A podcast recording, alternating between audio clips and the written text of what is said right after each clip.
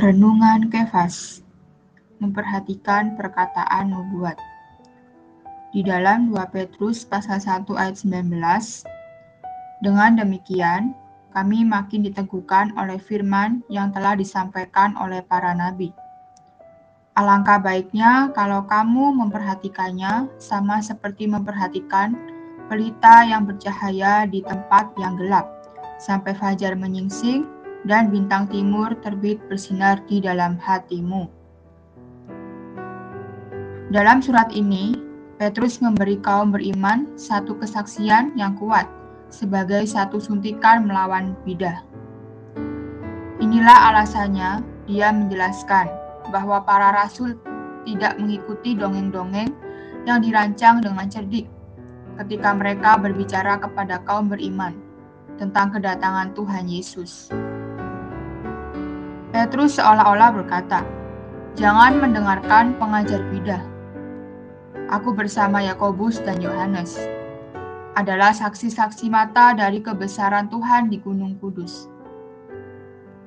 Kami bersamanya ketika dia diubah, dan kami mendengar suatu suara mengumumkan, Inilah anakku yang terkasih, kepadanya lah aku berkenan. Apa yang telah kami katakan kepadamu bukanlah sebuah legenda, mitos, atau dongeng yang tak hayul.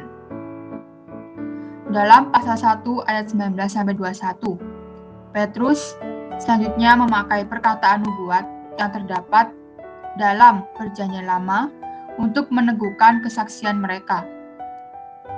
Baik kesaksian rasul maupun perkataan nubuat dalam kitab suci adalah sorotan kebenaran. Sorotan ini adalah bagian dari persediaan ilahi, persediaan Allah yang dibuat oleh kekuatannya, sehingga anak-anak pilihannya dapat meninggalkan bidah dan kemurtatan. Sobat Kefas, perkataan nubuat dalam kitab suci bagikan pelita yang bercahaya bagi kaum beriman. Menyampaikan terang rohani yang bercahaya di dalam kegelapan mereka bukan sekadar pengetahuan dalam huruf-huruf untuk pengertian mental mereka. Membimbing mereka masuk ke dalam jalan yang terang. Terang hari ini, saya perlu menjadi orang yang membaca Alkitab, memperhatikan perkataan firman, sehingga tidak terbawa oleh dongeng-dongeng. Poin doa, berdoa agar kita memiliki waktu untuk membaca Alkitab.